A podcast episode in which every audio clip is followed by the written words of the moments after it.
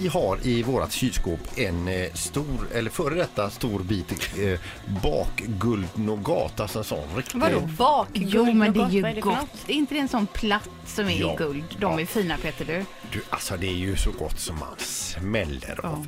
Min dotter han har haft detta, vid, vid någon, hon eh, gjorde några, några om det var någon så här det- kladdkaka. Men är det ett bakverk? Det är inget man köper Det är färdigt? choklad! Man har det i bakverk, man, man Den bakar finns på själv. bakhyllan Linda. Ja. Och varje dag så tar jag fram den här öppna paketen och så gör jag en sån här fin strimma. En så längs med liten bit bara? Ja, så att det Ja. inte ska synas. Och så äter jag den. Men det blir ju så när dagarna går så blir det ju det, det blir mindre och mindre. Och för, för några dagar sedan så sa min fru det. Vem är det som går och äter utan nougat? Behöver hon ens fråga det? Och då var jag bara tänkte så här, kära kollegor, snälla säg att ni också gör sånt. Ja, men jag åt ju i helgen och det här också, jag tänkte så här, i- lördags tänkte jag så här, idag får jag äta, sen börjar bantningen inför festen. Eh, igår höll jag mig, eh, åt lite för lite också och tränade ganska mycket. Så att då satt det, när jag blåste så här, maten är färdig för idag vid 60 år, så tänkte jag, jag kommer klara det, jag kommer inte äta någonting, gå och lägga mig. Eh, men sen började vi prata om att vi skulle åka på skidresa, det blev sent, vi, vi beställde liftkort och så. Jag började gå i skåpen som ni vet, och det finns ju Ja. inte mycket där på helgen.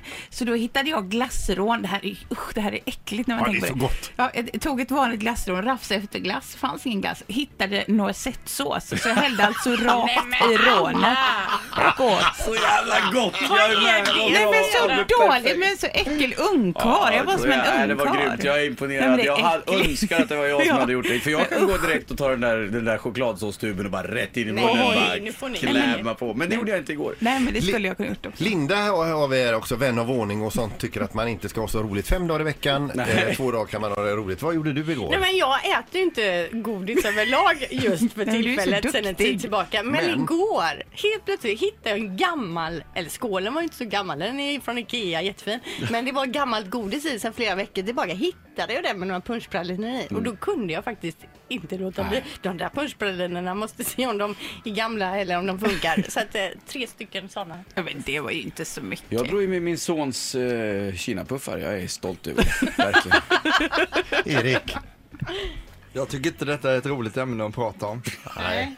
För att För att eh, igår så var jag lite småsugen på kvällen. Eh, Söndagskvällar kan man ju vara sugen på det här salta om ni är med mig. Jajamän. Man vill ha lite Whatever. krispigt, man vill ha lite gott. Och vi hade dåligt hemma för det är någon som inte handlat på länge, jag då. Eh, så det var inte så mycket som fanns. Men jag rotade i ett skåp med bakgrejer och längst in där bakom så står den. Jag hittade den. Den lyser som en sån här gyllene gral ungefär. Den rostade löken. Är ni med? Med sked direkt ut. Och så tar jag en tugga. Jag, jag har ju ställt in mig i huvudet. Det här kommer bli. Jag vet redan hur det kommer bli. Det kommer bli gott. Det kommer vara salt. Det kommer vara krispigt. Det kommer vara underbart. Och jag kommer äta alldeles för många skedar. Gör det. Det smakar röv i munnen. Den rostade löken gick ut 2012 så det var mögel i den. Jag är inte sugen på rostad lök nu. Ett poddtips från Podplay. I fallen jag aldrig glömmer djupdyker Hasse Aro i arbetet bakom några av Sveriges mest uppseendeväckande brottsutredningar. Går vi in med hemlig telefonavlyssning och, och då upplever vi att vi får en total förändring av hans beteende. Vad är det som händer nu? Vem är det som läcker? Och så säger han att jag är kriminell, jag har varit kriminell i hela mitt liv men att mörda ett barn, där går min gräns. Nya säsongen av Fallen jag aldrig glömmer på Podplay.